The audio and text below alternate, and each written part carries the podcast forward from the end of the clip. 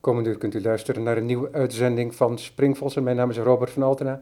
Ik zit tegenover Erik Hinterding in een gebouw van het Rijksmuseum. Erik Hinterding is verantwoordelijk, mede verantwoordelijk ook, voor de grote Rembrandt-tentoonstelling die nu te zien is.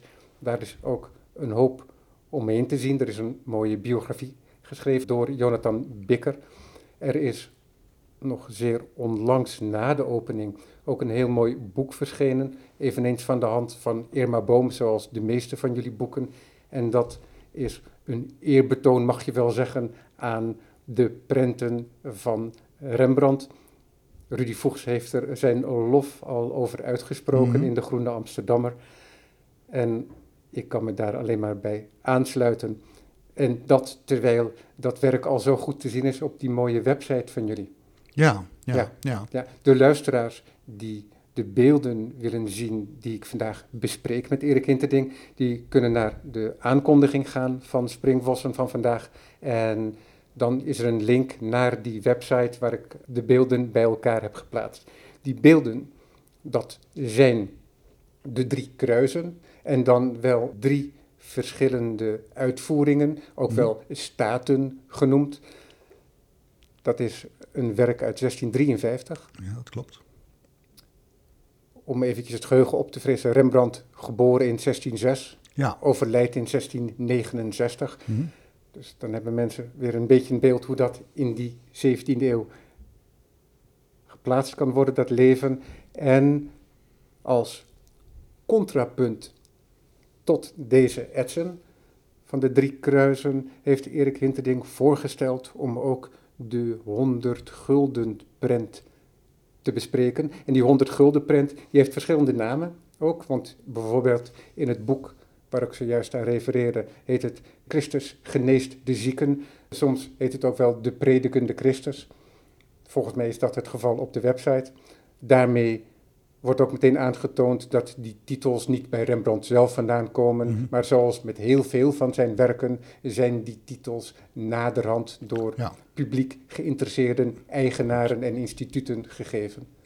Eigenlijk bij allemaal. Van er is geen enkele ads waarvan we nu weten eh, dat het Rembrandts titel is. Gewoon dat is later gegroeid.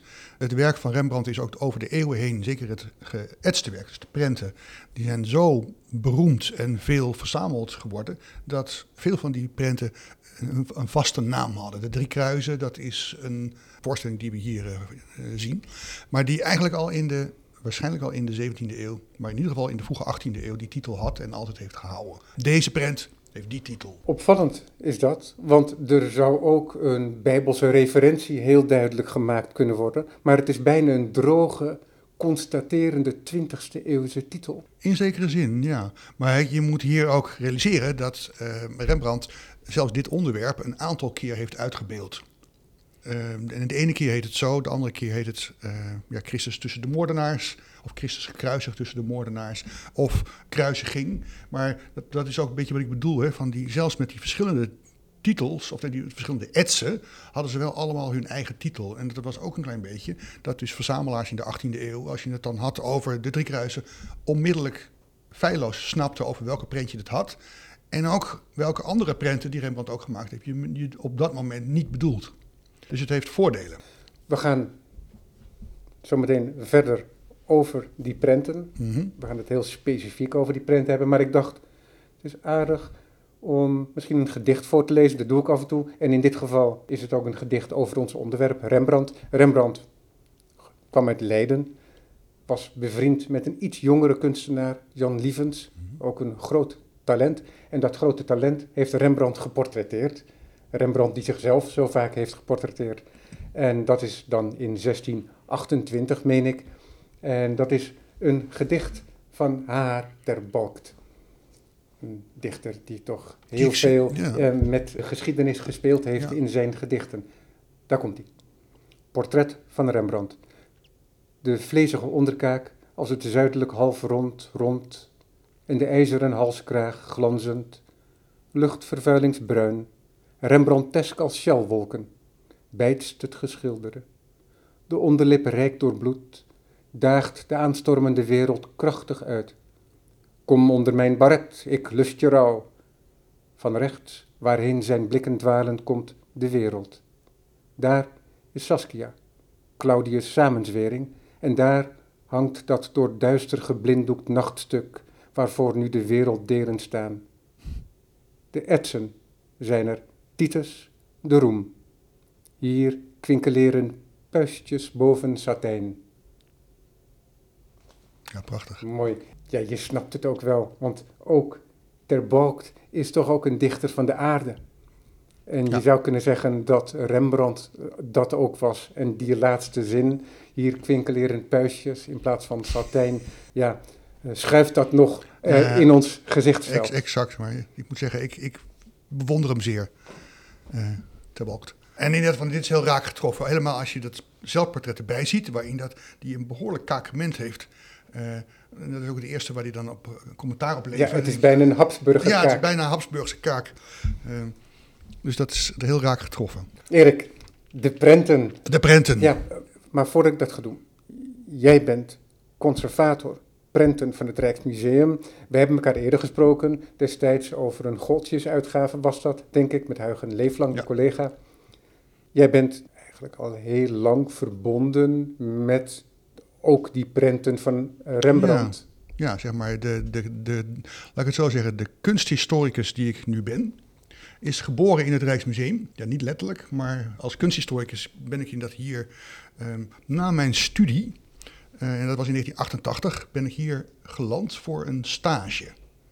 En wat ik mocht doen, piepjong als ik was, of althans ik was eh, eh, net klaar met mijn was eh, meewerken aan een onderzoeksproject op de etsen van Rembrandt. En dat was zo leuk. Eigenlijk, ik had voor die tijd nog nooit met Rembrandt gewerkt. Maar dat vond ik zo leuk en aantrekkelijk dat ik in Rembrandt ben blijven steken.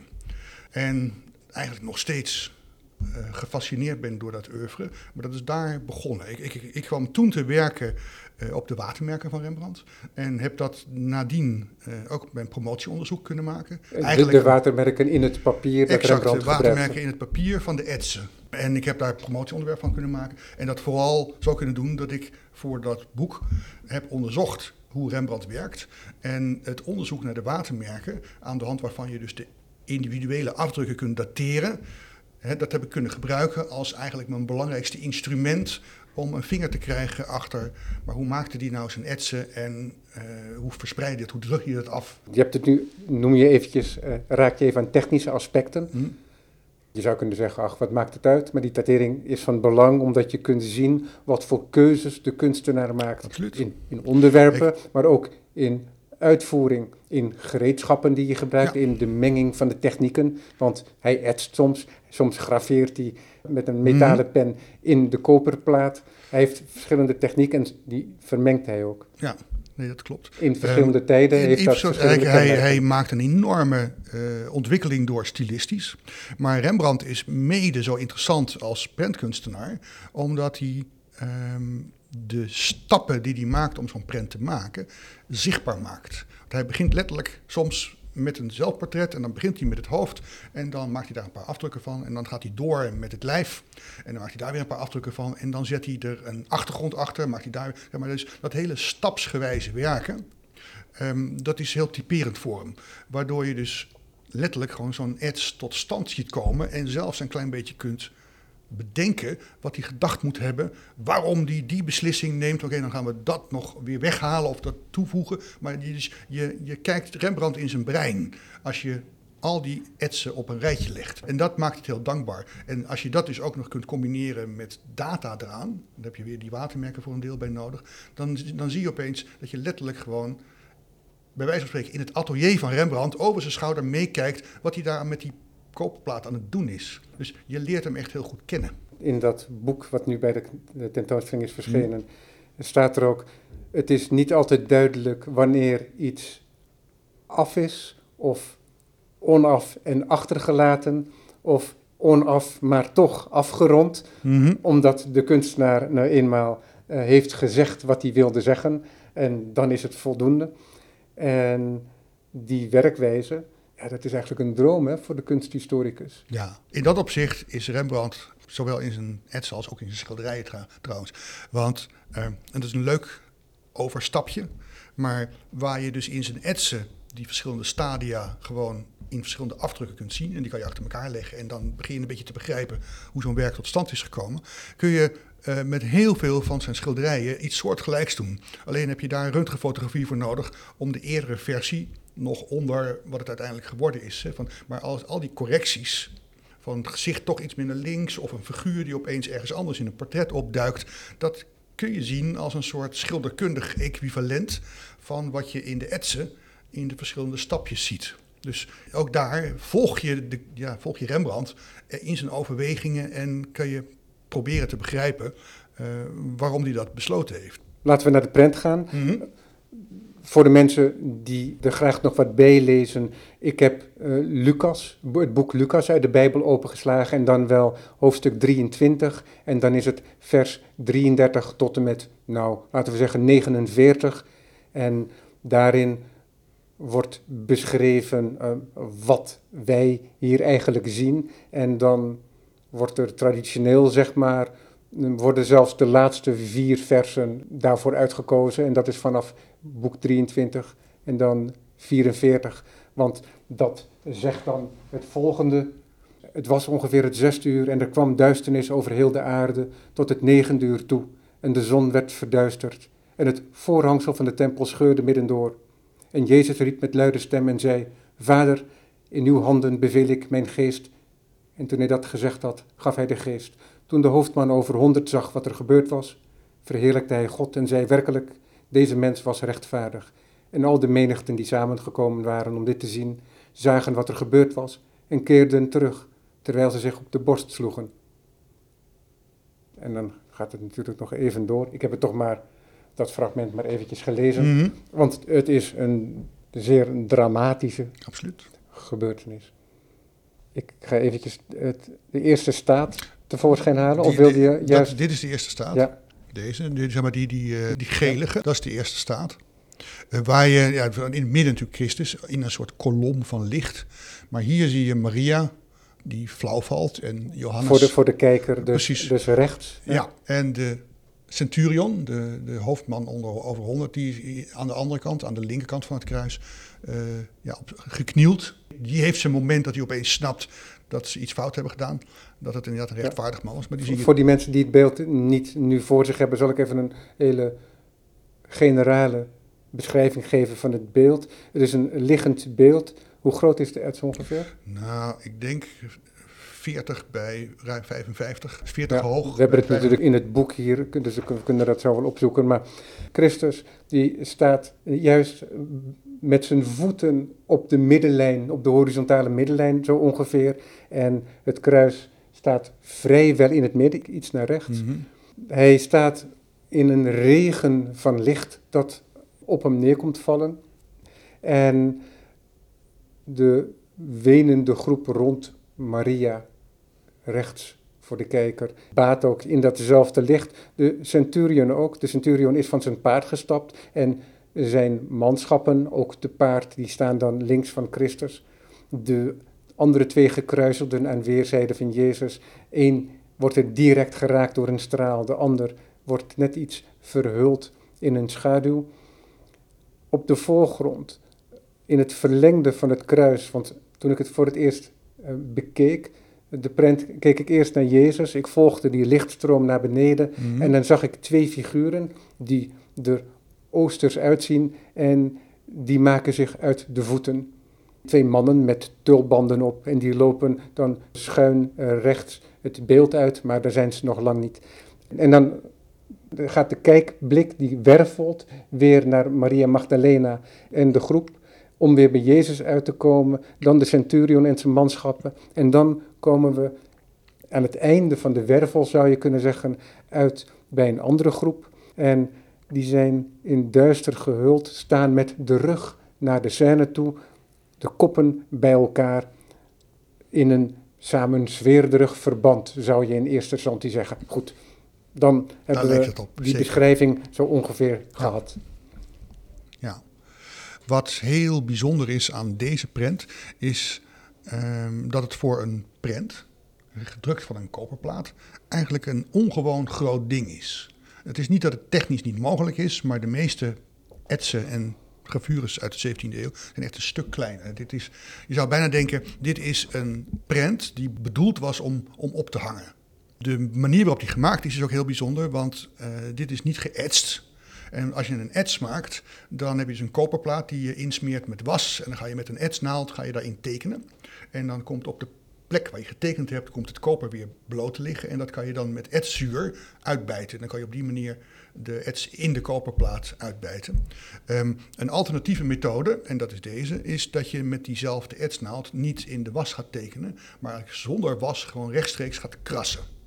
En wat er dan gebeurt is dat het koper, wat je dus uit die lijn krast, uh, die verdwijnt naar de zijkant van de lijnen. Als voren Exact. En die voren die worden dan aan weerszijden gekenmerkt door bramen.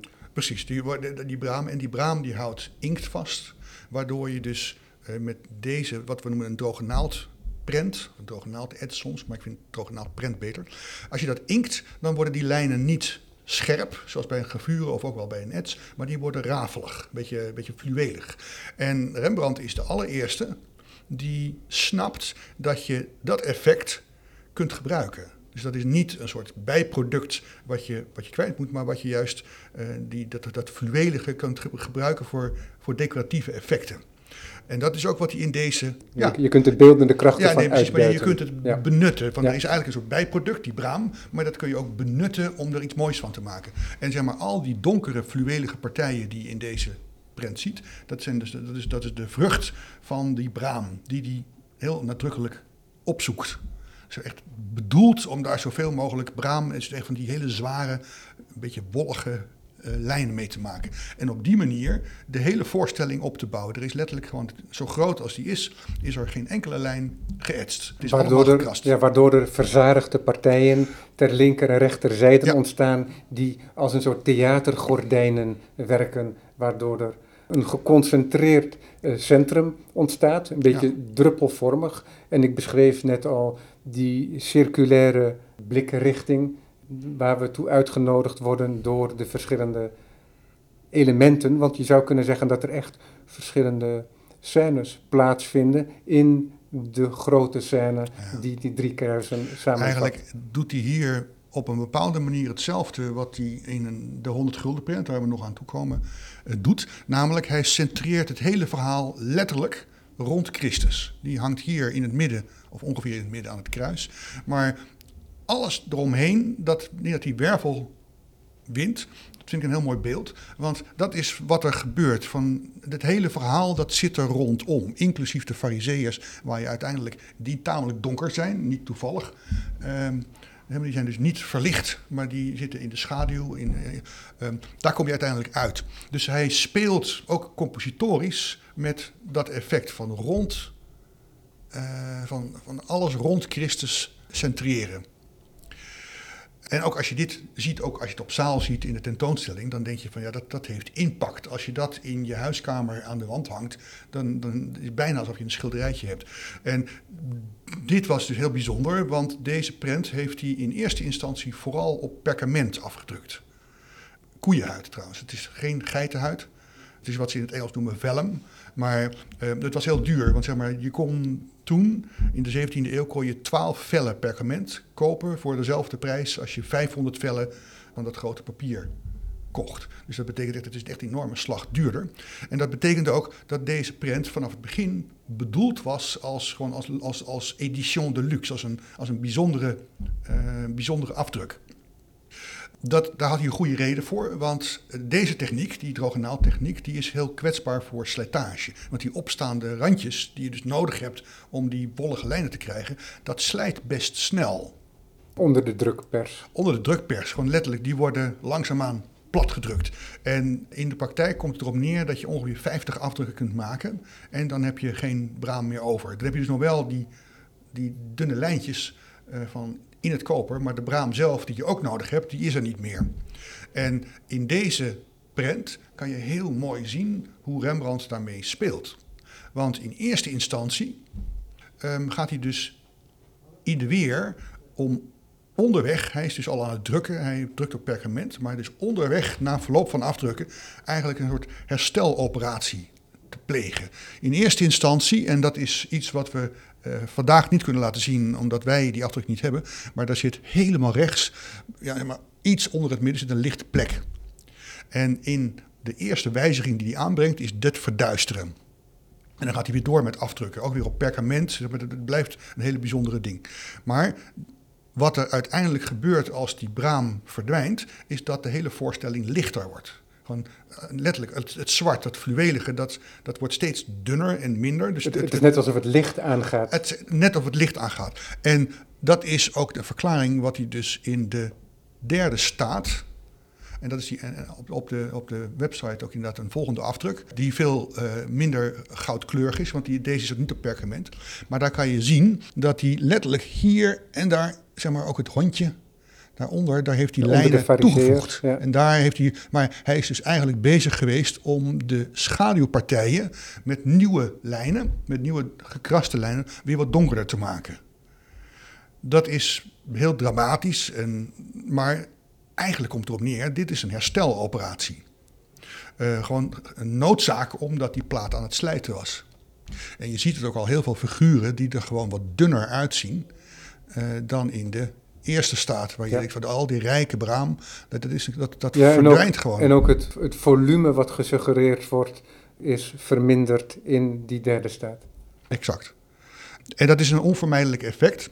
Vooral dat dus de derde staat ook eigenlijk het minst luxe is gedrukt van alle drie. Want waar hij in eerste instantie eigenlijk bijna alles op perkament drukte, um, doet hij dat hier. Nou, is, dit is gewoon regulier papier. Um, doet hij steeds meer. Maar op een enig moment moet hij dus een plaat hebben gehad die nog veel lichter was dan deze. Wij hebben die niet, maar ik heb uh, in andere collecties... Want Erik, de platen die zijn ook overgeleverd? Nee, niet van deze prent. Uh, van andere prenten van Rembrandt zijn een aantal platen overgeleverd. Van de drie, ruim 300 hebben we er nog ongeveer 80. Maar die zijn verspreid over de hele wereld. Maar die zijn oh, blijven bestaan. Dat is leuk. Dat is heel interessant. Een beetje de, de relieken van, van Rembrandt, in a way. Maar maar van deze niet. Van dat is uh, in de late 17e eeuw nog wel te vinden. Maar daarna is het, verdwijnt het eigenlijk. Gewoon is het uh, niet meer te vinden. Ik heb afdrukken gezien van deze derde staat. Waarvan je echt denkt, het is helemaal licht. Van het is niet compleet kaal, maar dat je denkt van het is geen schaduw van wat het was in de eerste staat. En dat moet Rembrandt ook bedacht hebben. En wat hij dan doet, is eh, revolutionair. Want nu denkt iedere prentkunstenaar, ja natuurlijk, zo doe je dat. Maar op het moment dat Rembrandt dat deed, was het iets wat, je, wat nog nooit vertoond was. Hij gaat namelijk de hele plaat opnieuw bewerken. En dat is die vierde staat, waar die letterlijk op dezelfde voorstelling, Christus is nog steeds daar op het kruis, en hier zie je nog steeds ook hier de, de, de, figuren die er dus stonden, maar die vrijwel verdwenen waren omdat die braam kwijt was. Um, eigenlijk die hele plaat neemt hij opnieuw onder handen. En voegt ook allerlei nieuwe figuren voor. Nu staat er opeens een ruiter hier. De, voor de uh, linker gekruisigde. Precies. Ja, overlappend. Ja, daar staat nu, en dat, die is, dat is een citaat uit een medaillon van Pisanello. Dus hij gebruikt daar eigenlijk weer een ander kunstwerk om, te, om, zich op een idee te laten brengen wat hij daar kan doen. Maar waar het om gaat, is ook al die lijnen. En die zijn hartstikke leuk. Want als je daar een liniaal langs legt, dan blijkt dat ze kaarsrecht zijn.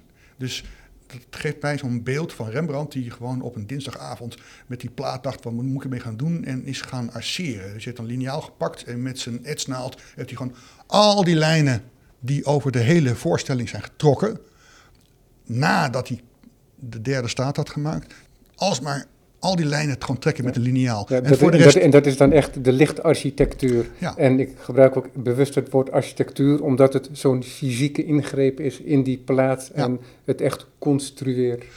en wat ik zo knap vind hier, is dat hij de hele voorstelling op dezelfde koperplaat, het is geen nieuwe koperplaat, dus drastisch veranderd en daar een heel dreigende, bijna apocalyptische voorstelling voor maakt. Dus de hele sfeer van het, van het onderwerp is, is anders, is veel, veel dreigender. Ik had er zelf, moet ik eerlijk zeggen, nooit gedacht, zo op het eerste gezicht, dat het om dezelfde plaat zou gaan.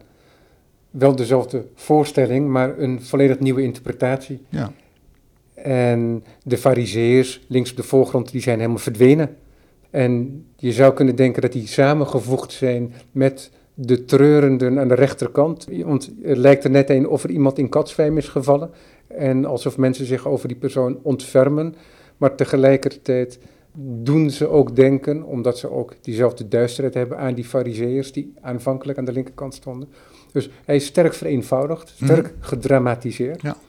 Kijk, en dit is zo anders van beeldtaal, dat in het verleden verzamelaars en, en ook kunsthistorici dachten dat dit een soort herneming van het onderwerp was um, van, van zes of zeven jaar later.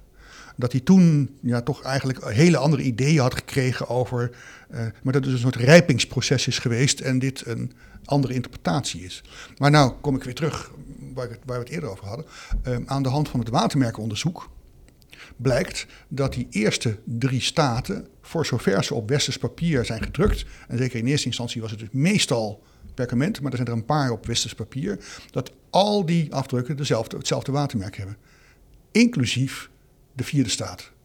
En dat geeft aan dat het eigenlijk in een soort doorlopende lijn moet zijn gemaakt. En dat er dus helemaal geen sprake is van zeven jaar eh, ertussen of zes, of voor mijn part vijf. Want dan zou je die laatste staat op ander papier moeten zien verschijnen. En dat is dus niet zo, want het zit precies hetzelfde papier als die vroege staten. Dat betekent iets heel erg leuks. Namelijk dat hij een fantastisch nieuw kunstwerk maakt. Maar de reden dat hij eraan begint, is eigenlijk gewoon slijtage van zijn koperplaat. Dus het is een geniale oplossing voor een heel praktisch probleem. En als je dat eenmaal ziet, dan snap je ook met andere prenten uit dezelfde tijd dat hij eigenlijk dezelfde kunstgreep uithaalt. Van dat hij een superieure techniek gebruikt, die droge naald, waar je prachtige effecten mee kan bereiken. Dit is ook allemaal droge naald. Maar dat noopt tot een andere manier van werken. Namelijk eigenlijk meer gewoon van je maakt afdrukken en je gaat weer door met bewerken en je maakt weer afdrukken. Dus het is meer een soort, soort continu bewerken van je koperplaat. En uh, intussen ook gewoon afdrukken maken. Dus je leert ook iets over de manier waarop hij naar zijn prenten keek en hoe hij die produceerde. En dus ook iets over ja, zijn scheppingskracht. Dat hij zo'n beeld eigenlijk ook niet met rust kon laten in dit geval. Uh, het is een heel leuk kijkje in de keuken in zeg maar, hoe Rembrandt het praktische weet te combineren met gewoon groot kunstenaarschap. Want wat hij er uiteindelijk als beeld en als voorstelling van maakt, uh, dat is heel indrukwekkend. Dat hij dat zo bedacht heeft en dan zo knap weet uit te beelden. En op prachtige dragers, maar van op perkament, wat, het, uh, wat dat effect, dat wollige effect nog versterkt. Maar het heeft zijn eigen toon. Dus het, dat wordt een hele, hele warme, ja, diepe gouden glans wat je in de, eerste, in de eerste staat staat. Maar perkament neemt die inkt niet op. Maar dat vloeit dus een beetje uit, waardoor dat fluwelige nog versterkt wordt. Dus dat, dat, het hele effect van die droge naald, wat überhaupt al op dat moment een hele revolutionaire techniek is, niet nieuw, maar dat hij dus snapt dat je dat kan gebruiken, dat is wel nieuw. En dat doet hij dan op, op zo'n formaat, zo kostbaar en zo ja, indringend. Daarin maar, kiest hij bepaald niet de gebaande paden van, nou laten we eens een en, makkelijke En dit spreekt ook voor, voor het zelfvertrouwen van de kunstenaar. Absoluut. En ook, van dat, daar moet ook vraag naar geweest zijn. Kijk, want dit soort dingen, dat, dat was duur komen we zo meteen ook met de 100 gulden pen nog op. Maar ook dit, dat moet, uh, weet ik wat, uh, in de guldens hebben gelopen. Terwijl toen uh, een gemiddelde prent, ja, dat, dat rekende hij in stuivers. Gewoon, hij wist dat hij daar markt voor had. En dat, dat, klopt ook wel, want op het moment dat hij dit maakt, is hij op de hoogtepunt van zijn rom. En was er gewoon heel veel vraag naar eigenlijk alles wat hij deed. En het maken van prenten, maar ook het omzetten van schilderijen naar prenten, wat ook wel eens door andere kunstenaars gebeurde. Dat was een belangrijk middel, zo niet het belangrijkste middel, om je naam te verbreiden, om je roem te verbreiden. Ja. Want daardoor kon het ook de Alpen oversteken, het werk van Rembrandt, op een eenvoudigere manier dan met het transport van een schilderij. Ja, en ik moet zeggen, de etsen van Rembrandt, um, dat is onderscheidend daaraan. Die, dat is dus wel echt het werk van Rembrandt, maar het zijn allemaal uh, wat, wat, we nu gaan noemen is het vrije grafiek.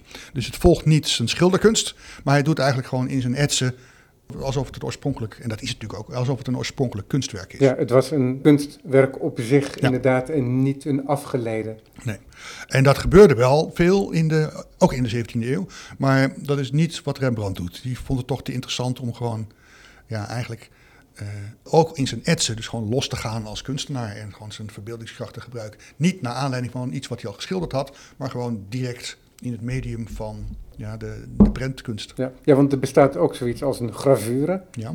Wat voor techniek is dat precies Eh, anders dan de droge naald? Het, is, eh, het is ook een, een techniek waar, die gebruik maakt van koperplaat.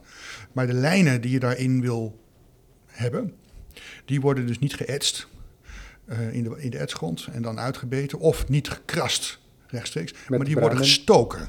En dat, is een, dat, is, dat noemen ze een burijn.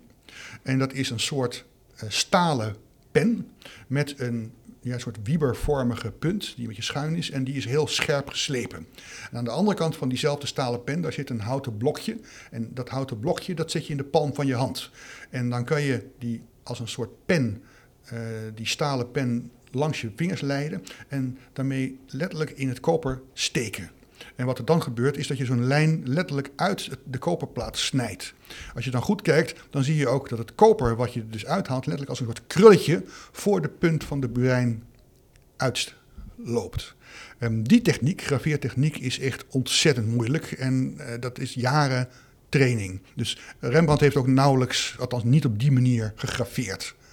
Eh, hij gebruikt hier en daar wel een burijn om een, een- een enkel lijntje neer te zetten, of een paar lijntjes. Ja, dat staat wel eens vermeld inderdaad. Maar dat is dus een hele andere manier van Goltjes, waar we het eerder over gehad hebben. Ja. Die dat heel mooi kon en die lijnen kon laten golven. En helemaal de, de, de, de contouren en de vormen van wat hij uitbeelde liet volgen. In dat weerbarstige materiaal. In dat weerbarstige materiaal. Dus dat is echt gewoon, dat is letterlijk en figuurlijk vakmanschap. Dus graveertechniek, dat is eigenlijk de, de meest lastige eh 17e eeuwse techniek van diepdruk. Waar ook ets en droge naald Ja, aan en, dat werd dan gebruikt voor eh, boekdrukkunst. Als Voor boekdrukkunst, maar ook voor, nou zeg maar, dus ook voor door schilders die hun werk wilden laten reproduceren.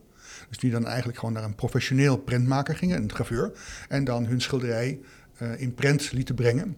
En daar dan, want het voordeel van deze techniek is dat je met van een gravure, dat je veel meer afdrukken, daar kan je eh, ja, 500.000 afdrukken van maken voordat je slijtage gaat zien. Dat is, dat is veel slijtvaster. Dus dat is een voordeel. Duidelijk. Rembrandt die kiest een techniek die bij hem past. Ja, Met zijn kwikzilverige geest, mag ik wel zeggen.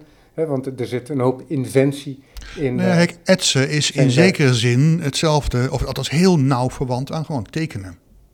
Van iedereen die kan tekenen, die kan in principe, het is een klein beetje kort door de bocht, maar het klopt wel, kan in principe ook etsen. Vandaar ook dat je een hoop schilders ziet in de 17e eeuw die ook wel een paar etsen gemaakt hebben. Rembrandt is dan weer een beetje een uitzondering, omdat hij niet een paar etsen maakt, maar heel veel. Want die moet naast zijn schilderwerk ja, letterlijk gewoon heel veel plezier hebben gehad in het medium. En gewoon daar, daar iedere keer opnieuw weer nieuwe etsen gemaakt.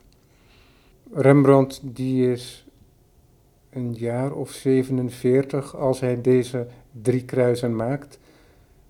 1653. Het beeld dat je hebt uitgekozen als contrapunt, zoals ik dat dan aangaf, dat is misschien wel de meest beroemde prent van Rembrandt, die al volgens mij sinds de 17e eeuw, of in ieder geval al sinds lang bekend staat als de 100 gulden prent. Ja. Als je net al aangaf dat prenten werden afgerekend in stuivers, dan wil die naam, die titel, Ja, wel wat zeggen. klopt. Kijk, we, als je gewoon naar de veilingcatalogie kijkt, maar ook naar prijzen op, achter op de prenten, op alle prenten, dan kom je daar regelmatig prijsjes tegen. En op basis daarvan heeft eh, een, een eh, kunsthistoricus, Jan van der Waals, is uitgerekend dat wat dan de gemiddelde prijs was. En dat kwam toen uit op twee stuivers. En hij bedoelde daarmee van dat is massagoed. Dus eigenlijk gewoon het gemiddelde van de, de reguliere prenten die je kon krijgen. Rembrandt heb ik dan zelf onderzocht.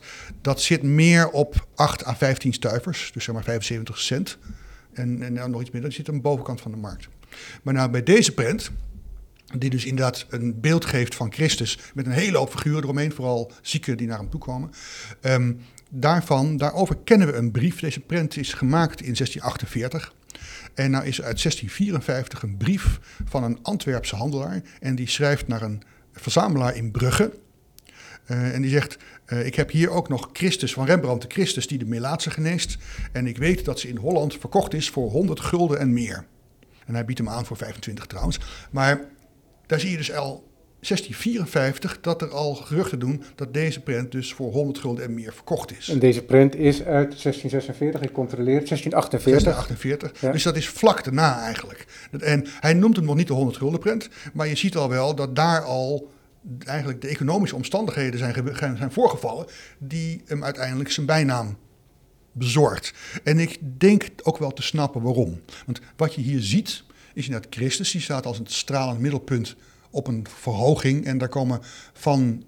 Van, onder, een, van onder een poort. Ja, vanuit een, vanuit een poort komen er allemaal mensen, eh, duidelijk zieken en noodruftigen, die komen naar hem toe. En hier staat een andere groep. Maar wat je hier ziet, is een soort, noem het een staaltje van kunnen. Rembrandt, die in 1648 dus een voorstelling maakt. Want dit is een samenvatting van Matthäus 19. Het 19e hoofdstuk van het, Nieuwe Testament van Matthäus. En die beschrijft daarin onder andere het verhaal van Christus die uh, zijn apostelen op zijn kop geeft en die de kinderen tegenhouden. En dan zegt hij van laat de kinderen tot mij komen. Maar het is ook het hoofdstuk waarin voorkomt dat Christus zegt, of Jezus zegt, van het is voor een rijke jongeling lastiger om in de hemel te komen dan het is voor een kameel om door het oog van de naald te gaan. En hier, helemaal rechts in de poort, zie je de kameel. En aan deze kant zit de rijke jongeling, die zit hier, die zit een beetje te simmen. Iets afgewend, geloof ja, ik. Maar je ziet ook in het allemaal mensen vanaf hier met kinderen naar Christus komen. Die daar, en hier ja, zijn dat de, de zieken die ja, eigenlijk hulp zoeken door Jezus geholpen willen ja, worden. Wat ik mooi vind aan het beeld, Jezus die staat net weer uit de verticale as. Ja, ja. Hij vormt het middelpunt, maar wat zo mooi is, is dat de verschillende figuren duidelijk leesbaar zijn, ook al Bades in het licht links, dat zijn wat betere lieden ook. Mhm. en, en onder andere de rijke jongeling. En dan aan de rechterkant, richting die poort, stromen we iets omlaag dan zien we iemand met een kruiwagen aangedragen worden. Je ziet echt de zieken, zwakken en de misselijken. En dat zij tezamen toch tegelijkertijd, hoewel duidelijk individueel gedefinieerd, één geheel vormen. Ja.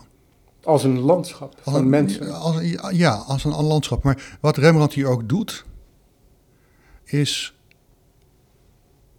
eigenlijk opscheppen op twee manieren. Opscheppen over hoe die een verhaal vertelt. Zeg maar een heel hoofdstuk uit de Bijbel samenvatten op die manier. Dat was nog nooit gedaan. niet één anekdote. Nee, dat was iets wat opzienbaarde. Maar minstens zo opzienbarend is de techniek waarin hij dat doet. En hier, helemaal links, daar zijn de figuren vooral in omtreklijnen aangegeven. Dus dat, dat lijkt daar inderdaad alsof ze allemaal in het volle licht staan. Dat is ook de bedoeling. Maar aan de andere kant is het zo subtiel beschaduwd dat je echt denkt van je gaat in de honderd stappen van zwart via donkergrijs naar lichtgrijs naar nog lichter grijs naar wit. Die nuance kon op dat moment geen enkele andere kunstenaar in de Nederlanden voor elkaar krijgen. En dit is dan een combinatie van de droge naald die je ook bij de drie kruisen zag, maar ook met de etstechniek. Dus hij, hij combineert het hier. Maar hij komt vooral rechts tot een bijna fotografisch realisme.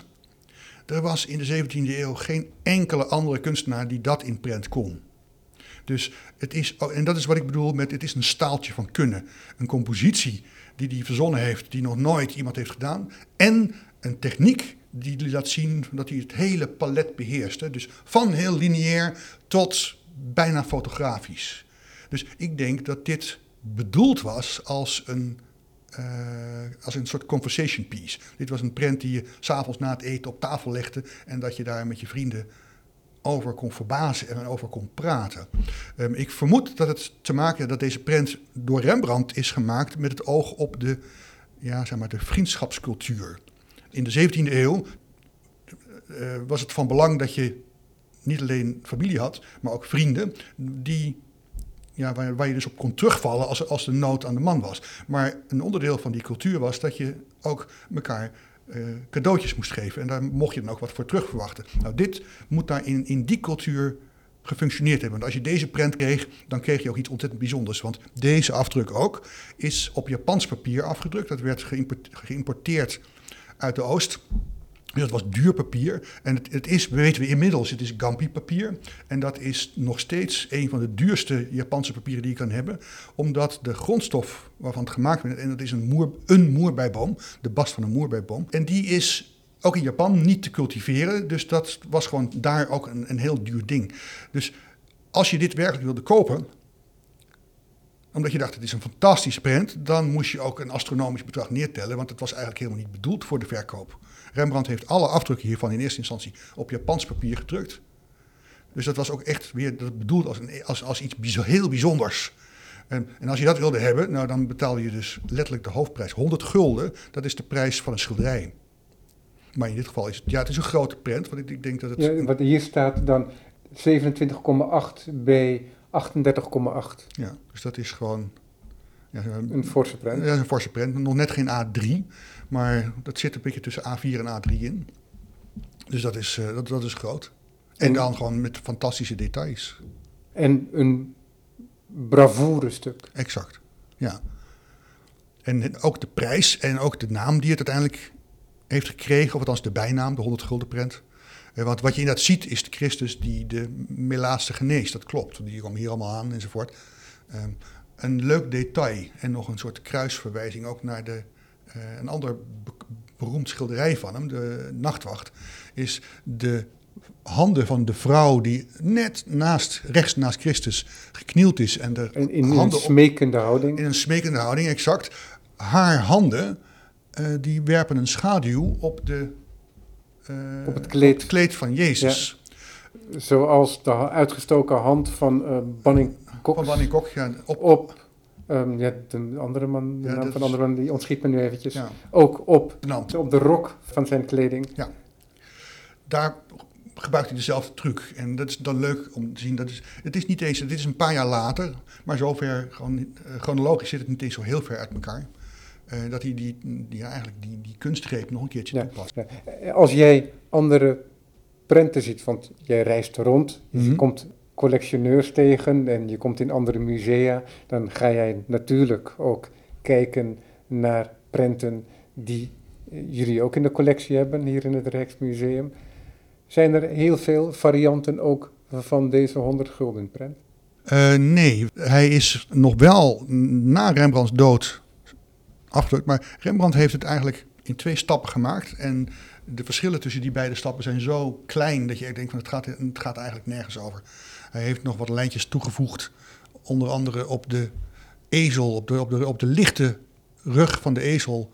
Helemaal die, rechts. Die in, net in de onder de poort nog ja, staat. precies. Dus dat, dat is zo klein dat je denkt, het, het gaat niet echt ja. ergens over. Ja. Daarna heeft hij hem nooit meer aangepakt. Ja. Dat is wel interessant natuurlijk, in vergelijking met de drie kruisen. Dus dat er niet één manier is voor Rembrandt om een prent te maken. Nee, maar er speelt, er speelt nog iets anders, wat, wat leuk is om op te wijzen. Hier zie je dat Rembrandt bijna fotografisch kan werken.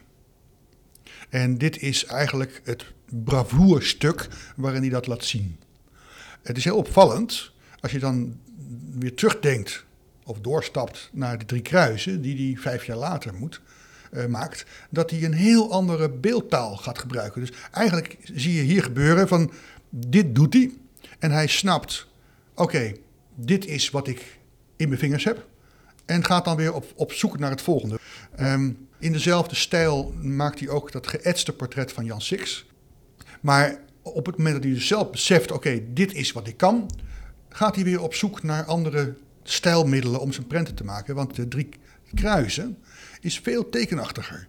Waar dit bijna fotografisch is, is dat veel schetsmatiger. Heeft ook te maken met de techniek. En dat hij dus uitsluitend droge naald gebruikt, wat veel stugger is. Dan... Mooi ook trouwens dat jij zo gemakkelijk dat anachronisme gebruikt van het fotografische. Ja, nou ja, dat, daar doet het het meest aan denken. Van, ook omdat je, zeker ook als je, als je, als je aan Goltzius denkt, je dan realiseert dat in de midden 17e eeuw was de manier waarop je toon kon krijgen eigenlijk vooral van heel dicht arceren. Ja, dus lijnen, parallele lijnen naar elkaar en dan dat kruisen. Zo, zoals de, de stralingen die afkomstig zijn ja. van het hoofd van Christus in de schaduw. Die de schaduw als het ware verdringen van om zijn hoofd. Ja, maar je ziet ook hoe verder je wegkomt, hoe minder je dat ervaart als lijnen, maar meer eigenlijk als, als, een, als een grijs vlak. En dat is ook precies wat er zo knap aan is. Hier ook die, die gradaties. Als je er een loop op zet, dan snap je best dat het lijnen zijn. Maar dan kijk je dus met heel veel vergroting. Als je zonder loop kijkt, dan ervaar je het eigenlijk als een vlak. En zelfs met gradaties van grijs Ja. binnen dat vlak. Ja, want wij zien het werk van de Rembrandt op een manier waarop hij het zelf nooit gezien kan hebben. Nee, Natuurlijk op een computerscherm in ons geval dan nu eventjes, Ja. maar ook in de mate van uitvergroting. ja. Nee, daar, daar zou hij zich over verbazen. Als hij nu eh, zou zien hoe, hoezeer je erop kan inzoomen. Ja, maar de detaillering is inderdaad verbluffend. Dat de handschoenen, beurzen. Ja. Het is nu even stil omdat wij in detail zo over het beeld verplaatsen. En een beeld dat ik de laatste dagen eh, veelvuldig heb bekeken, maar je blijft je eraan vergapen. En Maar als je, als je dit dan vergelijkt hè, met wat hij eh, daarvoor in de eerste staat van de. dan denk je dat is echt een totaal andere stijl, een andere beeldtaal. En dit is veel tekenachtiger, veel schetsmatiger. Ja. Maar dat doet hij dus op een moment dat hij al voor zichzelf heeft laten zien: van ik kan veel gedetailleerder werken. Wat ik je nog wilde vragen, in die eerste staat is de crimineel links, de gekruiselde links van Christus. Daarvan valt het gezicht helemaal in de schaduw. En rechts hangt die achterover over het kruis. Eh, het zijn geen klassieke kruisen in de zin dat de verticaal nog boven Mhm. eh, de dwarsbalk steekt, maar ze stoppen. En als we dan naar de tweede staat gaan, of de derde staat is dat dan, meen ik. En ik ga naar die gekruiselde. Dan Ja. is het bijna alsof het een portret is. Ja, Want als we dan naar de soldaten kijken, dat zijn vrij schematische koppen. En zelfs een schematische snor zien we hier. En ja En je, als we dan ja, die gekruiste nee, nee, zien- en ik ben het helemaal met je eens. Maar dat, dat wordt heel speculatief. Ik, ik denk namelijk, ik, ik zie het Rembrandt wel doen om daar dan het hoofd van iemand voor te gebruiken eh, die die eh, niet zo aardig vond of zo. Maar dat is puur speculatie. Hè? Ja. Want het, het, van het, het Ja. kan ook gewoon puur toeval zijn. Ehm, maar, Maar ik ben het- het met je eens van hier denk ja. je van ja, het is, het is bijna een soort 17e eeuwse kop. Waarbij je natuurlijk altijd moet rekenschap moet geven dat in de eerste staat je het hoe dan ook niet kon zien, maar dan was het zo donker dat het helemaal niet te onderscheiden was. exact. Maar dus dit heeft hij ook al, dus in de derde staat al, Ja. volledig omgewerkt. Dus in, in- Nou nee, want dit is, dit is puur het effect van slijtage. Dus zeg maar, dit is het gezicht wat Echt langzaam zicht, zichtbaar wordt, Ja, ja. omdat die braam verdwijnt.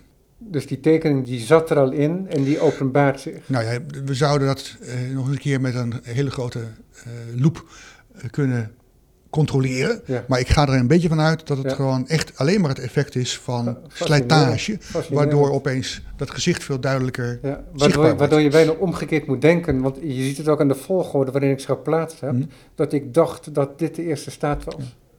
Ja. En dat had te maken met wat ik dan nu eventjes als een portret aanduid. Ja, zo zie je maar, er is nog een hoop te leren. Ja, absoluut. En het, het, het, het leuke is ook van dat het vaak eh, verrassende dingen oplevert. Om, zeker in, de- in de etsen, om daar met een, met een loop eh, en een paar vragen heel goed naar te kijken. En dan ontdek je nog dingen. Ja. Hier kan je ook heel goed zien onder dat hondje dat hij in de derde staat daar nog allemaal lijnen heeft toegevoegd. Dit is in de eerste staat nog leeg. Van, het begint een beetje tussen de figuren die daarvoor staan, dat de arcering weer begint. Maar onder het hondje zit eigenlijk geen, geen, geen, zitten geen lijnen. En nu, eh, hier zweeft En nu wel ja, dus precies. Ja, dus eh, dit is eh, onderdeel van de, ja, eigenlijk van de, Ja. van de aanpassingen die hij in de derde Ja. staat heeft Ja. toegevoegd. Als je gaat uitschrijven of opnoemen wat er allemaal gebeurt en hoeveel figuren er zijn, dan geloof je bijna niet dat dat op één zo'n koperplaat past. Ja, dat, dat moet ook voor een deel, ja, je noemt het intuïtief, maar gewoon Ja. tot stand zijn Ja, gekomen. want we hadden het net over kunde en een figuur geloofwaardig neerzetten, dat is al wat. Ehm, vervolgens combinaties maken, maar zo'n historisch stuk met ja, dat was een van de dingen waar, volledig waar, waar, bevolkt landschap neer te zetten. waar Rembrandt in zijn algemeenheid ook bekend om was. Hè? Van dat hij ehm, ook in zijn tekeningen een figuur met een paar rake lijnen neer kan zetten en je compleet overtuigt wat hij bedoelt. En dat was een vaardigheid die hij hier ja, helemaal benut Eigenlijk om het door, het door hetzelfde te doen. Van heel veel van die figuren, dat is nauwelijks veel meer hier. Die Johannes die zijn haren uh, uit zijn hoofd staat te trekken, bij wijze van spreken. Maar dat, dat is nauwelijks meer dan een paar, figuur, paar lijntjes. Ze, en toch geloof ja. je wat je, wat je ziet. Ja, de lijnen zijn heel suggestief en heel raak. Zijn er tekeningen bekend van etsen die hij maakte? Bijna niet. En dat hebben we van, van de 100 gulden print trouwens toevallig wel. Daar zijn een paar uh, tekeningen waar hij uh, een van de figuren uitprobeert. En geen van die tekeningen is exact hetzelfde, maar je ziet hem wel hardop denken. Van als ik er nou zo neerleg of als ik er nou die hand wat meer laat optillen. Dat je dus denkt, het, het zijn voorstadia voor wat hij uiteindelijk kiest.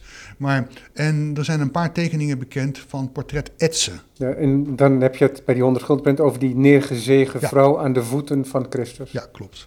De tekening die bekend zijn, dat zijn er twee. Wij hebben er eentje. Uh, waarin hij het haar vooral uitprobeert. En denkt van oké, maar hoe moet ik het nou neerleggen? Um, en er zijn wat twee of drie tekeningen bekend van portret-etsen. Wat je ook kan voorstellen, want dat is een opdracht en het moet ook nog lijken dat hij dat niet gewoon spontaan ging doen. Ja.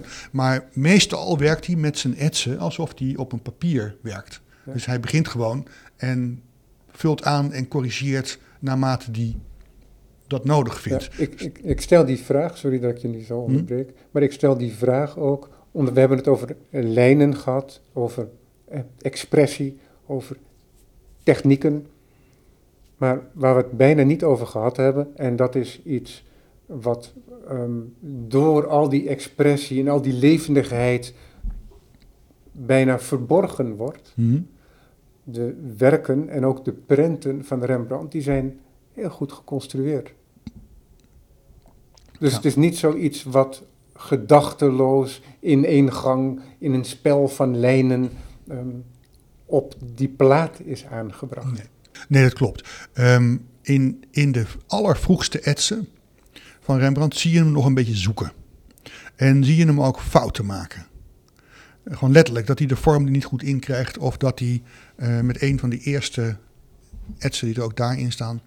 Um, dat hij moeite heeft om de figuren van de achtergrond te onderscheiden. Het is zo'n weerwar aan lijnen dat het een beetje in elkaar overloopt. Maar eigenlijk al heel snel ja, moet hij geleerd hebben hoe hij orde kan houden. En hoe hij het overzicht houdt en hoe je dat in ets aanpakt. Want um, er zijn wel degelijk ook in de verschillende stadia. In deze stadia, bij de drie kruisen, dat gaat eigenlijk gewoon over slijtagebeperking. Maar in eerste instantie heeft hij ook heel veel etsen waarin hij uh, heel systematisch werkt. Maar je dat gewoon begint met de kop en dan het lijf toevoegt en dan de achtergrond. Uh, maar op, op een manier dat, je, dat het eigenlijk nauwelijks fout kan gaan. Want je, je begint heel rustig uh, en je vult alsmaar meer schaduw aan. Um, daar spreekt vooral heel veel ervaring uit. Omdat hij gewoon, waar hij in eerste instantie dus daar een aantal keer flink mee de mist in gaat. Be beheersing. Exact. Gewoon technische beheersing en, en ervaring van hoe je zoiets moet, moet doen. Zeker als je werkt zoals hij werkt, namelijk zonder veel voorbereiding, maar je gaat gewoon aan de gang. Ja. Maar ook dat, dat kan je ook voorstellen, ook dat is op een goed moment een, uh, ja, noem het een trucje, dat, dat maakt het dan wat te, te klein. Maar dat je gewoon snapt, als je het zo doet, dan kan het eigenlijk nauwelijks misgaan. En Rembrandt is een uitstekend tekenaar. Dat zie je ook aan iets heel anders. En dat is wel een leuke. leuke um, dat zelfportret, wat wij nou uh, aan het Rijksmuseum hebben hangen, wat in het blauw gezet is door, uh, door Boom. Um, dat is in werkelijkheid 6 centimeter hoog. Maar Rembrandt is zo'n goed tekenaar dat zelfs als je het dus zo breed maakt, als je het 15 meter groot maakt, dat het nog steeds in elkaar blijft zitten. Je hebt soms kunstenaars uh, waarbij je dat niet kan doen. Van dat je, als het heel klein is, dan denk je, nou, het is heel, heel aantrekkelijk, het is een sympathiek uh, poppetje. Maar als je het gaat vergroten, dan valt je opeens meer op dat het helemaal niet goed in elkaar steekt. Bij Rembrandt is dat nooit zo. Die kan je eindeloos vergroten en dan nog steeds zien dat het gewoon klopt. Ja. Hij laat zich niet ontmaskeren. Hij laat zich niet ontmaskeren ja. als een charlatan. Hij kon echt gewoon uitstekend tekenen. Ja. Erik Hintering, dankjewel. Graag gedaan. De tentoonstelling van Rembrandt die is tot wanneer te zien? De hele zomer 10 nog, denk juni. Ik? Tot 10 juni.